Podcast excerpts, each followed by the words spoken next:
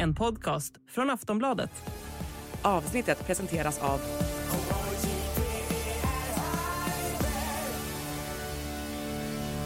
Stödlinjen.se, åldersgräns 18 år.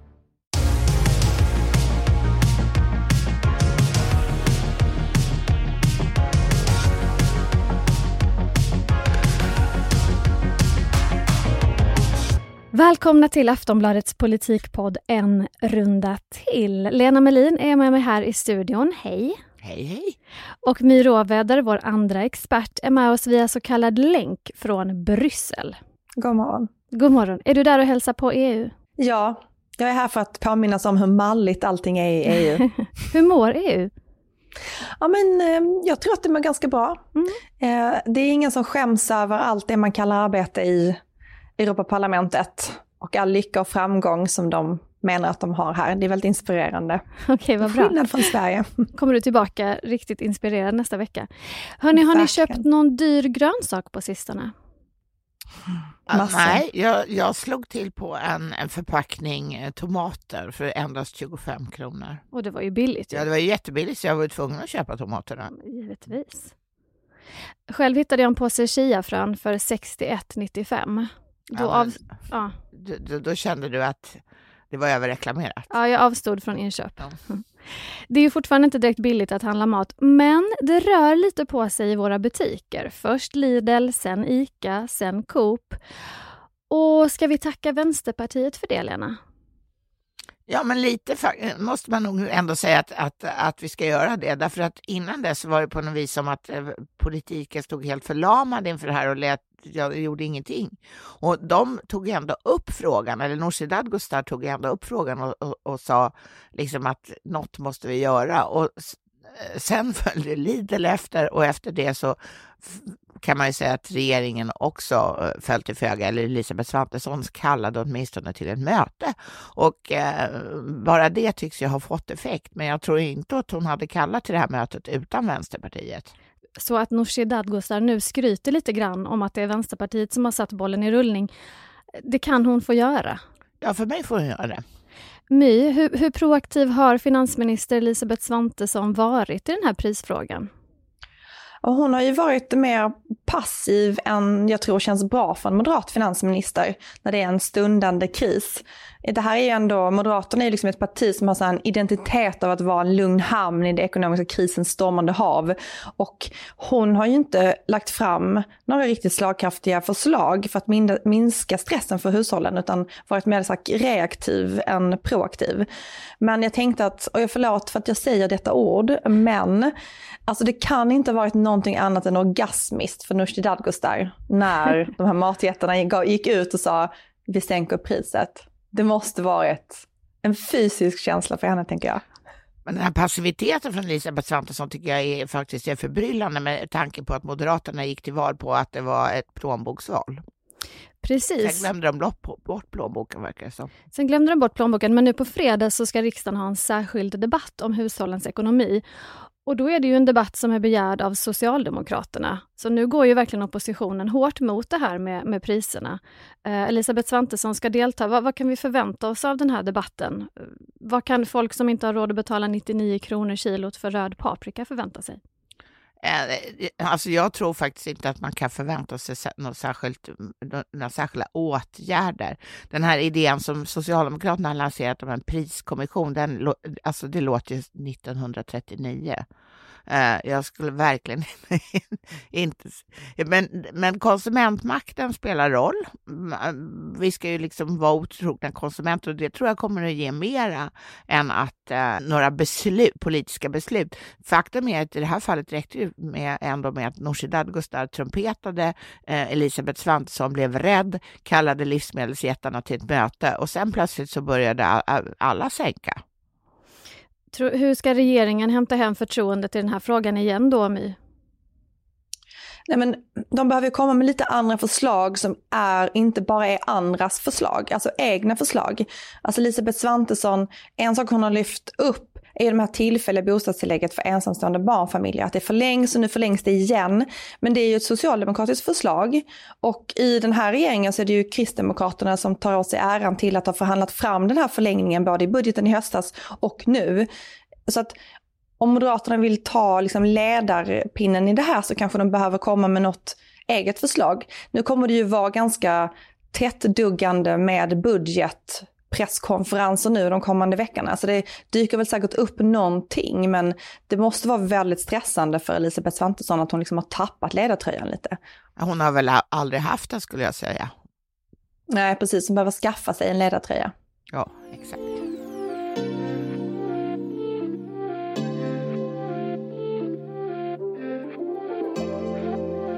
I måndags hamnade förbundskapten Janne Andersson i gruff i direktsänd TV. Han och experten Bojan Djordjic dividerade på en nivå som kändes mer rugby än fotboll och till slut drog Janne från studion arg som ett bi. Dagen efter gjorde han det enda rätta, nämligen kallade till presskonferens, berättade exakt hur han tänkt, sa att han gjort allting fel, pratade om sina känslor och tog samtliga frågor om saken. Exemplariskt pudlat enligt mig. Det är jättedåligt. Det är mycket, mycket dåligt. Ja, men det var väl det bästa han kunde göra i, i, i det uppkomna läget. Ja, och då började jag i alla fall tänka på krishantering, vilket ju väldigt ofta är ett aktuellt ämne även inom politiken. För alla gör ju inte helt rätt hela tiden, hur förtroendevald man än må vara. Och hur politiker och deras partier hanterar kriser avgör ju till stor del hur stor eller liten eller allvarlig eller långvarig krisen blir. Jag är nyfiken på att veta vad ni tycker utgör en bra krishantering. Ja, det, alltså det är ju dels att vara lite snabb, man får inte vänta för länge. Sen är det eh, att, eh, att pudla är också bra, i alla fall eh, delvis, att man erkänner det som blev fel och säger att ja, det här blev jättetokigt, precis som Jan Andersson gjorde. Eh, sen behöver man inte säga att allting blev tokigt om, om det nu är så att vissa delar i det som har inträffat ändå eh, håller för, för eh, eh inspektion. Eh, och sen så gäller det att vara väldigt trevlig när man framför det här, alltså eh, inte aggressiv. My, vad säger du? Ja, men jag är lite inne på samma sak. Det är så här, erkänn vad som har hänt, alltså sätt ord på det, erkänn det du har gjort. Vidta lämpliga åtgärder, det kan vara avgå, det kan vara säga förlåt, det kan vara att bara vara öppen för alla frågor som finns och vara väldigt tydlig med att du tar på dig ansvar för det som har hänt. Det är ingen annans fel, utan det är bara du som är ansvarig för det som har hänt. För det, det kan jag väl kanske tycka var lite sisådär med Janne Andersson. att just det här med att ta på sig ansvar för det som hade hänt, där var väl lite haltigt. Även om det andra var ju en, en bra puddling, jag håller med om det. Tydlighet och trevlighet tar jag med mig lite grann här från er. Eh, och att man ska ta på sig ansvaret själv. I förra veckan fick vi veta att Kjell Jansson, moderat riksdagsledamot och ordförande för M i Stockholms län, utreds för misstänkt sexköp av en kvinna som sen ska ha pressat honom på pengar. Det här är inte vilken moderat som helst, Lena. Nej, just det att han är ordförande i Stockholms län, det är Moderaternas starkaste distrikt, gör honom ju särskild. Och sen så sitter han i valberedningen också, så att han är ju en mäktig moderat, även om han kanske inte är superkänd för folk utanför Norrtälje, där han har varit kommunalråd ganska länge. Kjell Jansson har ju nu tagit time-out från sina uppdrag, men borde han inte bara avsäga sig helt och hållet sina uppdrag liksom direkt på grund av allvarlighetsgraden i misstankarna, My?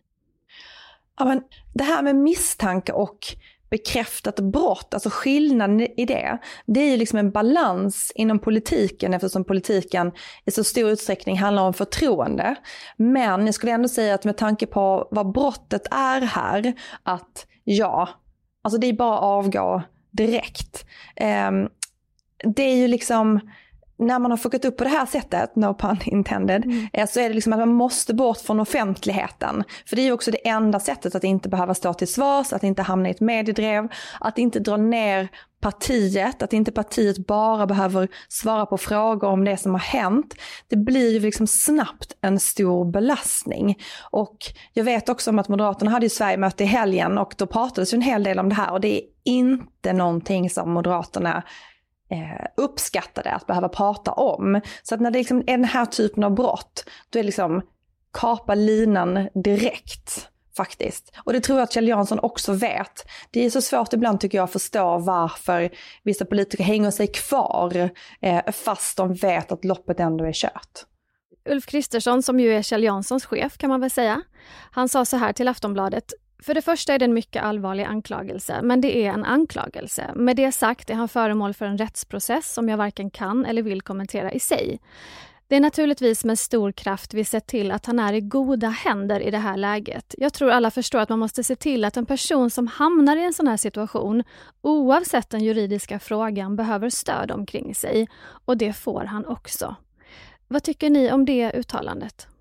Jag tyckte det var närmast exemplariskt faktiskt, som, som krishantering. Alltså han, eh, Kristersson eh, sa att det här var, ett, var allvarligt. Han sa också att gav ju indikationer på att han kände för den här personen som har gjort, eh, alltså Kjell Jansson som har gjort så fel och genom att säga att han är i goda händer. Alltså han, han är omhändertagen på något sätt. Vad tyckte du My?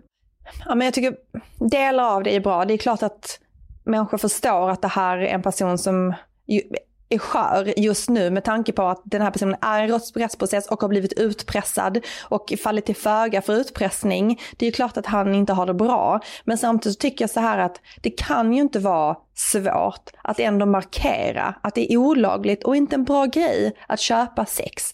Eller syssla med sugar dating kalla det vad man vill. Eh, och det tyckte jag ändå fattades här mm. i att det finns ändå två personer eh, som är involverade här, i det här rättsfallet som också båda två är utsatta på, på olika sätt. Och att, ja, du tycker det, att han borde skulle... markerat kring kring kanske det här liksom brottet och då det eventuella faktum att det är en, en annan person som också är så att säga drabbad på något vis. Ja, men jag, det är inte att det behöver vara, handla om en annan person, för det är klart att eh, Ulf Kristerssons relation är ju till Kjell Jansson. Eh, men att det ändå är så att det kan ju inte vara svårt att markera att det är olagligt och dåligt att köpa sex, mm. om det är det som har hänt. Eh, och det tycker jag, där skulle det vara tydligare. Så jag tycker att det är väl, ehm, ja, det var li, lite svagt tyckte jag. Hur graverande är det här med Kjell Jansson för Moderaterna som parti oavsett utfall? Ja, det är, det är inte bra. Eh, just därför att Kjell Jansson har den här centrala positionen och, eh, och, och har haft under lång tid. Eh, men samtidigt så är det ju Ja, det, vi, vi, brukar kalla det här på tidningen för enskilt elände. Det kan ju vara ett fall av enskilt elände så att säga. Alltså en person som har hamnat på sniskan. Mm. Och då tror jag inte att det drabbar dem i så hög grad utifall att de hanterar det, frågan lika bra i fortsättningen som de hittills har gjort enligt mig. I kompispartiet Kristdemokraterna stormade också, även om den stormen möjligtvis har bedarrat något. Där handlar det också om högprofilerade profiler, förre partisekreteraren Johan Ingerö och EU-parlamentarikern Sara Skyttedal. Vi har ju pratat mycket om efterspelet, hur Ebba Busch har hanterat krisen, hur hon, hur hon har hanterat sina två medarbetare. Nu några veckor senare, hur ser ni på hennes hantering? Alltså jag måste säga att jag tycker hela den här historien är dels väldigt konstig, dels dåligt hanterad av, av Ebba Busch. Borde hon ha uttryckt sig mer som Ulf Kristersson, att partiet stöttar och att det här är en jobbig tid för inblandade? Borde hon ha sagt någonting sånt? Alltså borde hon ha använt lite mer mjuka Ja, framförallt borde hon ju inte ha sågat dem jäms med fotknölarna. Nej, det, kän det känns som att hon har tagit sin hand från båda. Ja, och, och liksom verkligen bara så, kastat dem ut i iskallt vatten. Och, eh, ja, alltså, som chef måste jag säga att hon verkar vara en av Sveriges sämsta. Därför att det här med att dels äh, utse då Johan äh, Ingerö till partisekreterare i slutet av oktober och det är inte så att det är någon demokratisk process som leder fram till eh, vem som blir partisekreterare, utan i denna fråga är partiledaren en, enväldig. Och eh, sen säger, sa hon då på ett möte med riksdagsjournalisterna i förra veckan att redan två månader senare hade de kommit på att den här människan var fullständigt usel på den här posten. Och det säger hon. Mm. Och han får på något vis skulden för att hon har gjort ett dåligt val och tagit ett dåligt beslut. Jag tycker det verkligen är eh, ja, uselt. Och My, du, eh, du håller med? Ja, sen tycker jag att, mm, på tal om krishanteringen så var, det började dåligt men jag tycker ändå att det vände något och blev lite bättre. Och det vill säga att de hanterade det med eh, så mycket transparens de kanske klarade av. Och det var ju att de satte sig ändå ner med journalister och tog alla frågor om allting. Ehm, och jag tycker ändå att Ebba Busch var något stöttande kring Sara Skyttedal. Alltså det var liksom lite så här, både en smäll och en klapp på kinden. Mm. Det var ju både det här med att hon är omhändertagen, de har tillbringat mycket tid med att prata med henne och ta hand om henne inom partiet sen de fick reda på det här. Men också att hon inte kan syssla med det hon har sysslat med. Hon kan inte syssla med att driva opinion kring narkotikapolitiken. Hon kan inte syssla med att använda cannabis för eget bruk i länder där det är lagligt, som hon då har berättat att hon har gjort. Eh, då kan man inte vara kristdemokrat. Så att hon var ju liksom både lite mjukare men också lite hårdare. Och det är ju helt uppenbart att det har tagit Sara Skyttedal väldigt hårt. Hon gjorde en intervju i DN, hon var väldigt berörd. Hon skulle träffat oss här i Europaparlamentet igår, men hade ställt in i sista minut och Aha. det var någon som sprang på henne här i korridorerna och hon var bara så här, nej, bara smet, du vet, mm. smet undan. Hon vill inte träffa journalister, hon tycker liksom att hon kommer hålla sig undan. Och det Alltså det går ju ändå in i någon slags fas här nu när det börjar värma upp inför Europaparlamentsvalet om ett år. Och om hon känner så nu, då är det kanske ganska stor chans att hon inte orkar vara kvar i den här positionen och att partiet liksom redan har kickat ut henne på ett sätt. Men jag måste säga att jag tycker att det var ganska dåligt även det här av Ebba Busch. Därför att i vissa frågor så får Sara Skyttedal op eh, opponera sig mot partilinjen, men i andra inte. Och hur ska stackars eh, Sara Skyttedal veta vilka som är tillåtna att opponera i och vilka som inte är? Jag tycker, måste säga att eh, jag, jag förstår inte alls Ebba Buschs beteende. Every year, one thing is always predictable postage costs go up. Stamps.com gives you crazy discounts of up to 89% off USPS and UPS services, so your business will barely notice the change. Stamps.com has been indispensable for over 1 million businesses just like yours. It's like your own personal post office. No lines, no traffic, no waiting. Sign up with promo code PROGRAM for a four week trial plus free postage and a free digital scale. No long term commitments or contracts. That's Stamps.com code program. I början av året seglade en skandal inom Socialdemokraterna i Botkyrka upp. Det har varit en följetong som innehållit många uppseendeväckande detaljer. Ledarstrider, misstänkta gängkopplingar, röstningskupper, petningar, you name it. Hur tyckte ni att S som parti krishanterade den här härvan? Alltså lokalt i Botkyrka gick det väl ingen vidare kan man säga. Eh, och, men om man tar partiet centralt så tycker jag väl att de gjorde eh, en, en sak som man kan göra, det vill säga ungefär säga att vi har inget ansvar för det här, utan det här sköts på regional nivå. Det där är en grupp som ligger lite långt från oss. Ja, och, och det, det, det, det håller de på med där. Vi, tills vidare alltså, har vi inget med saken att göra. Mm. Alltså jag tycker att det här är ju ett så himla bra exempel på när ett parti fastnar i sin egen byråkrati. Uh, och det är ju just det som Lena beskriver, att man i partiledningen inte tog kommentarer utan det var liksom de lokala politikerna och Stockholms län, där då Botkyrka tillhör, som kommenterade. Uh, och sen så tog partiledningen då till slut upp frågan och då var det partisekreteraren Tobias Baudin som tog frågan. Och jag förstår att det är så här partier är uppbyggda och ser ut, att hierarkin ser ut så här. Men i liksom en sån här fråga som ändå är så symbolisk, det handlar om då att man beskrev det som att man hade lyft en sten i, liksom i, i, eh, i arbetet mot gängkriminalitet. Och när de lyfte på den stenen så blev det liksom kaos och den här KSO, kommunstyrelsens ordförande, blev avsatt som hämnd. Alltså det finns ju så mycket i det här som är symbolisk, symboliska frågor för Socialdemokraterna. Och det är ju en partiledare som ska hantera det. Och jag förstår att liksom en partiledare inte vill få händerna smutsiga av det här typen av politiska katastrofer och att det är en partisekreterare som tar hand om liksom, det organisatoriska inom ett parti.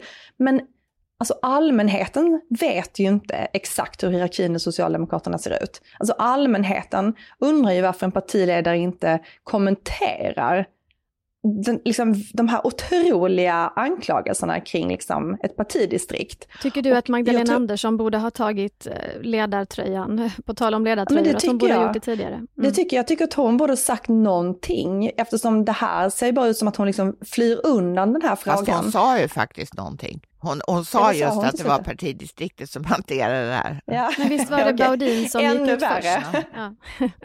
Har, tror Men det här... Baudin har ju tagit intervjuer, men jag menar, vad bryr sig en vanlig människa om det? Att det är han i hierarkin som ska ta de här frågorna. Det bryr sig inte en vanlig människa om. Alltså, de Nej. undrar ju bara så här, nu har de satt igång kampen mot gängkriminaliteten. Och vad hände? Förlorade de den då i Botkyrka? Mm. Och varför har inte partiledaren kommenterat det i så fall?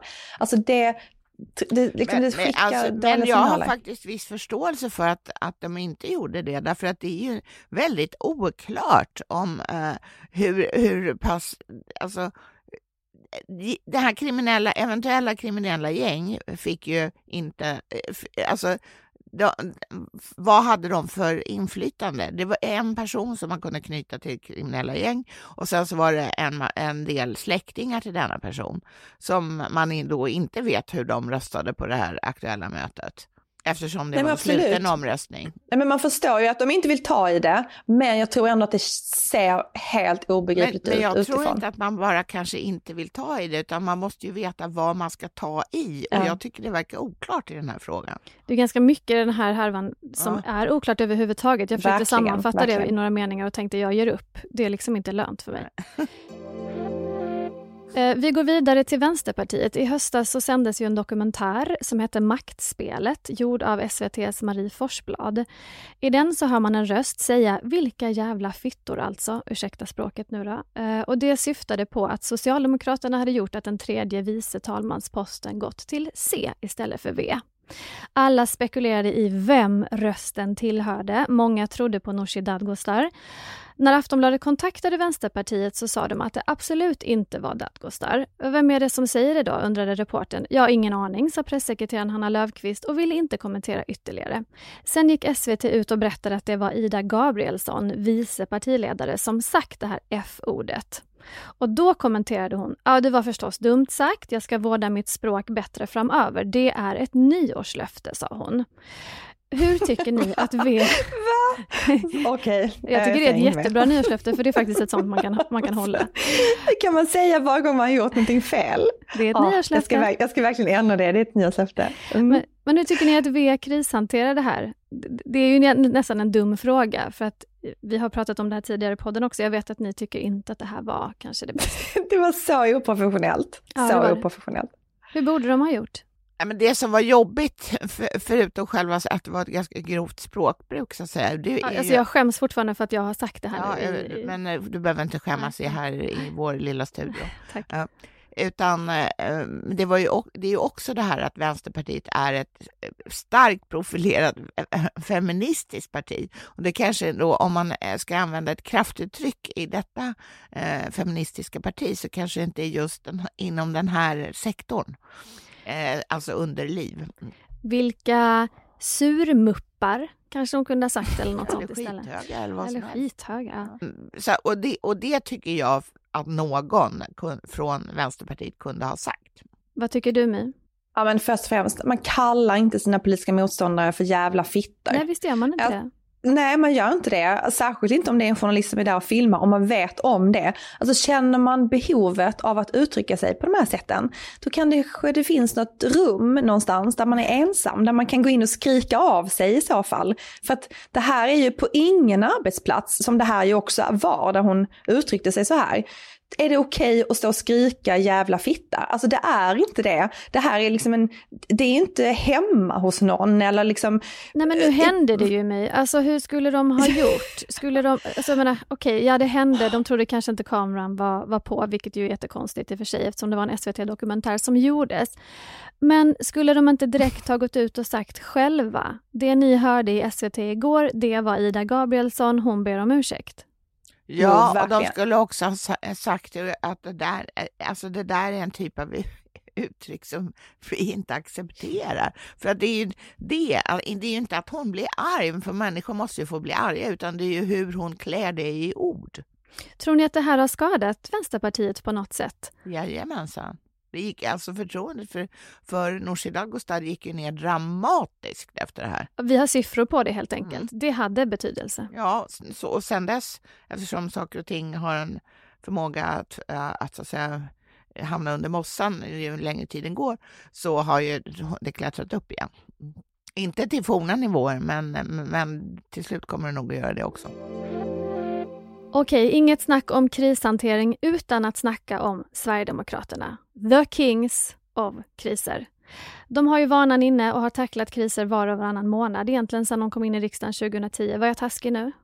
Nej. Nej. Nej. Senast i oktober så var det då Rebecka Ädel som satt i kommunfullmäktige i Nynäshamn för SD som avslöjades av Expressen för att hon haft täta kontakter med svensk högerextremism. Sverigedemokraterna meddelade då att ärendet skulle utredas i enlighet med interna rutiner. Uppgifterna som framkommit är synnerligen allvarliga och har ingen plats i partiet. Min fråga är, är det här Sverigedemokraternas vanliga metod och strategi vid kris? Alltså de har ju två olika taktiker. Det ena är att omedelbart utesluta någon. Mm. Det gör de om det är någon liksom. de inte... Mm. Exakt, det är om de inte redan, alltså om de redan ogillar den här personen, störde sig på dem. Eller om det är någonting som är liksom helt omöjligt att komma tillbaka från, som att ha varit nazist. Det, är mm. de, det ser de ändå som ett big no-no, oftast. Vi ska komma ihåg att i SD Klippan, de är mer generösa där i sin tolkning. Alltså det andra är då att eh, bara säga nej, vi tror inte på anklagelserna. Det är deras andra taktik och det gör de när det är någon de trivs med och som de inte alls känner för att göra sig av med. Och då behöver det egentligen inte spela någon så stor roll vad den här personen har gjort, utan det kan vara att någon eh, liksom är viktig för partiet, att det är en kompis till partiledningen. Eh, alltså ett exempel på det var ju till exempel då Peter Lundgren, EU-parlamentarikern. Han dömdes för sexuellt ofredande efter att ha tagit en partikamrat på bröstet brösten mot hennes vilja. Alltså båda har ju då talat ut med varandra, jag tror det finns på YouTube att titta på om man vill. Mm. Eh, och eh, är ju då liksom i vänner, det är inte hon som polisanmälde det här.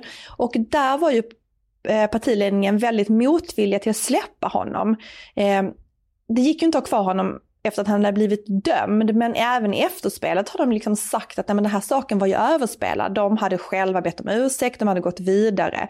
Så att det är väldigt stor skillnad i Sverigedemokraterna vem det är som fuckar upp om hur de hanterar krisen. De är inkonsekventa med andra ord. Mycket inkonsekventa.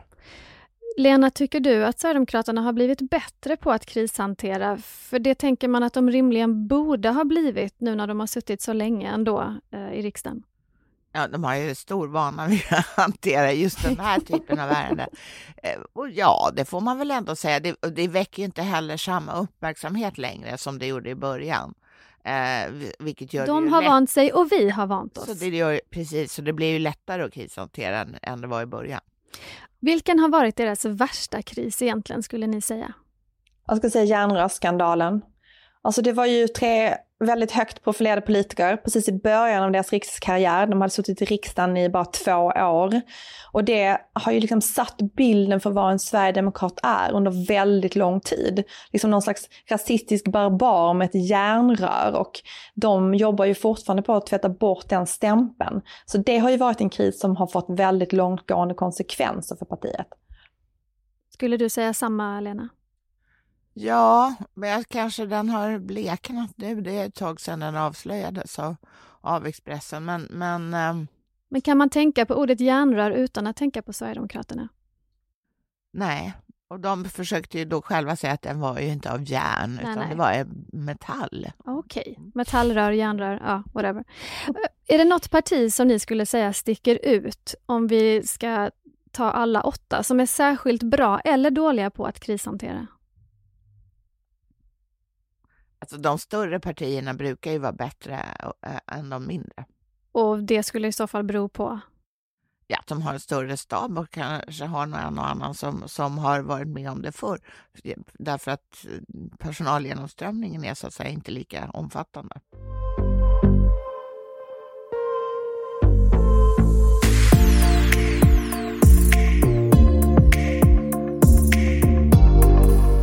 Annie Lööf, hon har så mycket att göra. Hon skriver på en självbiografi tillsammans med författaren Caroline Bankler och den ska släppas i höst. Annie Lööf säger att hon känner sig redo att berätta om det som legat bakom rubrikerna och under ytan. Jag vill veta Lena, är det här en bok som du kommer att kasta dig över? Ja, om, för det jag vill veta, det kommer om det finns med så kommer jag kasta mig över den, annars inte. Och det är vad, vad hände i Centerpartiet hösten 2018? Alltså då när Alliansen sprack. Vem sa vad till vem och hur arga var de på varandra? Det vill jag veta. Oh, det var specifikt. Mm. Ja, det håller jag med om. Jätteintressant. My, vad vill du att Annie ska avslöja? Jag har antecknat exakt samma sak. vad, vad har ni för teori då? Alltså vad finns det för teorier om det här? Jag tror att det finns en jättestor schism mellan Annie Lööf och eh, Ulf Kristersson och Ebba Busch. Eh, som eh, jag verkligen skulle vilja veta mer om. När det här, när alliansen liksom dog. Men är det ens lönt för henne att släppa en till bok om hon inte berättar det här? Nej, ja, möjligtvis om hon har något intressant att säga om, om skapandet av januariavtalet som ju som var en centerpartistisk idé från början. Men annars så kan hon nog strunta i det. Annie Lööf har ju redan gett ut en bok som kom 2018 som heter Sanningens ögonblick. Och hon är inte ensam om att ge ut den här typen av böcker. Det känns snarare regel än undantag att höga uppsatta politiker vill skriva av sig. Alltså bara för att nämna några namn. Birgitta Olsson, Fredrik Reinfeldt, Maria Wetterstrand, Carl Bildt, Jimmy Åkesson, Maud Olofsson, Göran Persson, Alf Svensson. Jag kan hålla på hur länge som helst. Jag vill också passa på att framhålla forne finansminister Per Nuders bok Stolt men inte nöjd, för att jag tycker det är en sån otrolig titel. Jag otrolig använder titel. uttrycket ofta. Alltså jag är stolt men inte nöjd. Det gör alla sossar höll jag på att säga. de tycker om det. Alltså jag älskar det. Däremot tror jag inte att det var så många som läste den. Eh, men nu på sistone har ju också både Romina Pourmokhtari och Ali Esbati släppt alster, för att nämna några liksom aktuella politiker här. Jag skulle gärna vilja veta vilken som är er favoritbok bland politikers självbiografier? Jag har... Lena, du hatar ju den här genren, men du kan väl ändå... Ja, alltså för jag tycker de flesta är så jädra tråkiga så det ja. trotsar faktiskt all beskrivning med, med, med stor eh, kraftansträngning som man tar igen, de, sig igenom dem. Och då kan jag nämna en mycket tunn bok som jag tyckte var bra och det var förre Mufordförandes ben, Benjamin Dosa som berättade om sin uppväxt och sin, eh, hans mammas eh, resoluta ingripande för att få honom på fötter när, när hon säger till honom en vacker dag i, i, i nordvästra Stockholm att, att Benjamin, du kan inte ens prata svenska. Jaha, och vad hände då? Vad gjorde han då? Eh, ja, hon tog honom i handen och gick till en eh, friskola av, med mycket gott rykte. Och, eh, och de knackade på och sa att ni måste ta hand om min son, han kan inte ens prata svenska.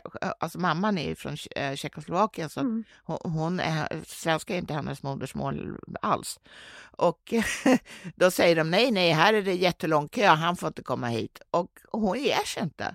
Och rätt vad det så, så dukar de under där och så säger de okej, okay, han kan komma då. Ja, det är en bra historia. Mm.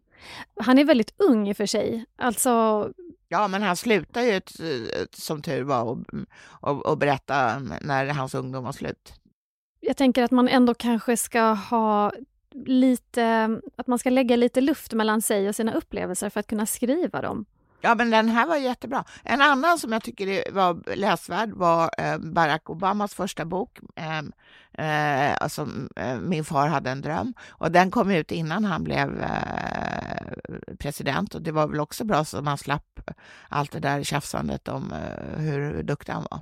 Bra lästips. My, kom med dina. Alltså på tal om att vara ung och skriva självbiografi, alltså Romina Pourmokhtari är inte heller jättegammal det kan och har redan säga. skrivit sin första. Eh, men hon har också en otroligt bra titel, Chicken Nuggets på krita heter hennes. Chicken det Nuggets jag är en på krita, titel. det är jättebra. Ja.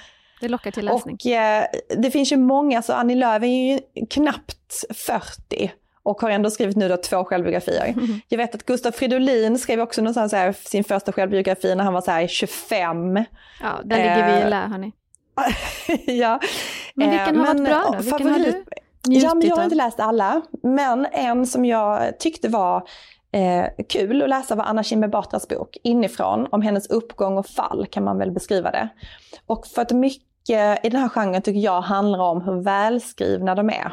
Alltså för mm. att de kan ju vara så fruktansvärt dåligt skrivna och då är det Skrev väldigt svårt att ta sig igenom dem. Det är ju många som tar Eh, hjälp. det vet jag faktiskt inte om hon gjorde. Det var i alla fall i alla ingen som framskymtade. Nej. Jag tyckte hennes självbiografi led en, en, en jättestor brist. Hon tog inte upp det enda ämnet som man var intresserad av, nämligen hur, varför sa hon det här om Sverigedemokraterna, det som blev hennes fall. Påminn oss. Alltså när hon sa, hon var ju den som sa i januari 2017 att vi ska öppna för samtal med Sverigedemokraterna i riksdagens utskott. Åtta månader senare så var hon borta. Hon pratar inte om det här i boken. Nej. Det är ju jättekonstigt. Mm. Hon pratar bara om hur hon försvann. Men jag vill säga en annan som jag tycker är i genren välskriven och som jag läst med behållning. Det här kommer du tycka om, Olivia. Mhm. Det är ju Ingvar Carlssons självbiografi, Åh, Lärdomar. Heter Ja. den Lärdomar? Jättebra titel. Mm, jag tyckte att den var också väldigt så här, bra skriven. Det var ju lite som att lyssna på någon vis gammal farbror som berättade om sitt liv. Så Ibland tyckte är jag det också allt var. som krävs. Han har ju också Men skrivit ibland väldigt många självbiografier, precis som Annie Lööf. Mm. Men hörni, är Men det någon... måste jag, Ja. jag måste få säga min favorit igen. För jag säger den varje gång. Och det är inte för att den är bra, men det är för att den är så tråkig. Men det är för att titeln är amazing. Och det är ju Två cigg och en kopp kaffe av Anne Wibble. Ja, det, det är ännu bättre än Stolt men inte nöjd. Det är det Men faktiskt. alltså, det är ju så långt ifrån mitt liv man kan komma som jag varken röker eller dricker kaffe. Men det är ju någonting det här med att vara den här hårt arbetande politikern, hon spräcker glastak, hon är den första kvinnliga finansministern och så sätter hon sig ner och så tar hon två cigg och en kopp kaffe. ja, och den, den antecknar titeln hade ju lite. aldrig funkat idag, vilket är ju lite tråkigt på något vis. Det tror jag faktiskt att den hade Tror gjort. du det? Men däremot kan jag berätta att när jag försökte bli av med den där genom att gå till min lokala eh, antikvariat, eller vad jag ska kalla det för, alltså de tar emot böcker till försäljning, så ville de inte ha det. De förstod inte. Jag vill ju de ha den, inte Lena, jag är så i den här titeln. Ja. Är det någon politiker som verkligen borde skriva en självbiografi? Nej, alltså ingen borde om de, inte har, om de inte tar upp de brännande frågorna. Det är det som är problemet. Det är ett jädra ältande om deras barndom och sen så eh, när de äntligen har lämnat den bakom sig efter hundra sidor så, så vispar de, så, så är det bara om sådana här otroligt tråkiga interna grejer. Alltså, ja, man måste ha något, man måste vilja ta och berätta, på- alltså för, gö- göra historien levande och inte undvika det. Då, då skulle jag nog kunna läsa nästan vem som helst. Well, Men well det said. finns också en gräns för hur levande man kan göra historien. För att till exempel så tycker jag inte att man ska skriva självbiografier som Miljöpartiets Birger Schlaug. När han berättade om hur han hade haft sex med en ung kvinna på en strand kvällen innan hon skulle gifta sig och sen funderade över om hon hade sand kvar på kroppen i under brudklänningen. Jag tycker det låter Det klockrent. är Jag det- förstår inte vad du klagar på mig. Det är detaljer som i den här genren eh, jag inte behöver veta. Du vill det inte kan ha veta det om hänt, Birger? Det kan ha hänt, jag behöver inte veta det. Nej. Men jag menade, jag avsåg mera eh, eller det politiska innehållet, inte... Nej, ni vill Jag inte ha det. sanden Jag förstår det. Jag, jag hade bara ett exempel på vad saker man inte behöver skriva Nej, i en politisk självbiografi. Min bild är ju generellt att det lätt blir väldigt torrt. Alltså Tony Blairs självbiografi till exempel, det var som att mula Skorpa. Ja men det var verkligen det, det var, det var knaster. Har politiker en övertro till sina historier och sina karriärer? Överskattar de sig själva? Annie är alltså 40 och har skrivit två böcker snart. Ja, men det, hon får väl bevisa sig om hon har en övertro eller inte. Kommer något intressant så ska jag säga att tack. Vi kommer ju köra en bokcirkel om den här boken. Absolut. Men Då får du provläsa det. Jag provläser den, kollar läget. Antingen hamnar den på ditt antikvariat Mm. eller så kör vi en bokcirkel om den här. Låter det bra My? Ja, vi kör. Bra. Jag vill tacka er för den här gången, både från Stockholm och Bryssel. Och nästa vecka är det ju påskvecka, men vi hörs förstås då också. Ställ inte till med någon kris till det som jag måste hantera, Lena och My. Ska försöka. Bra. Hej då! Hej då! Hej då!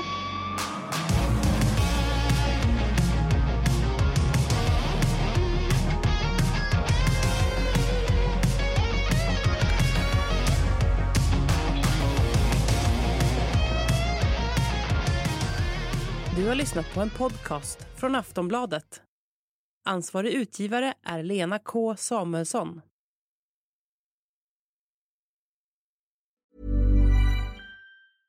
Hej, jag heter Ryan Reynolds. At Mint Mobile, we like to do the opposite of what Big Wireless does. They charge you a lot, we charge you a little. So naturally, when they announced they'd be raising their prices due to inflation, we decided to deflate our prices due to not hating you. That's right. We're cutting the price of Mint Unlimited from $30 a month to just $15 a month. Give it a try at mintmobile.com slash switch. $45 upfront for three months plus taxes and fees. Promote for new customers for limited time. Unlimited more than 40 gigabytes per month. Slows. Full terms at mintmobile.com.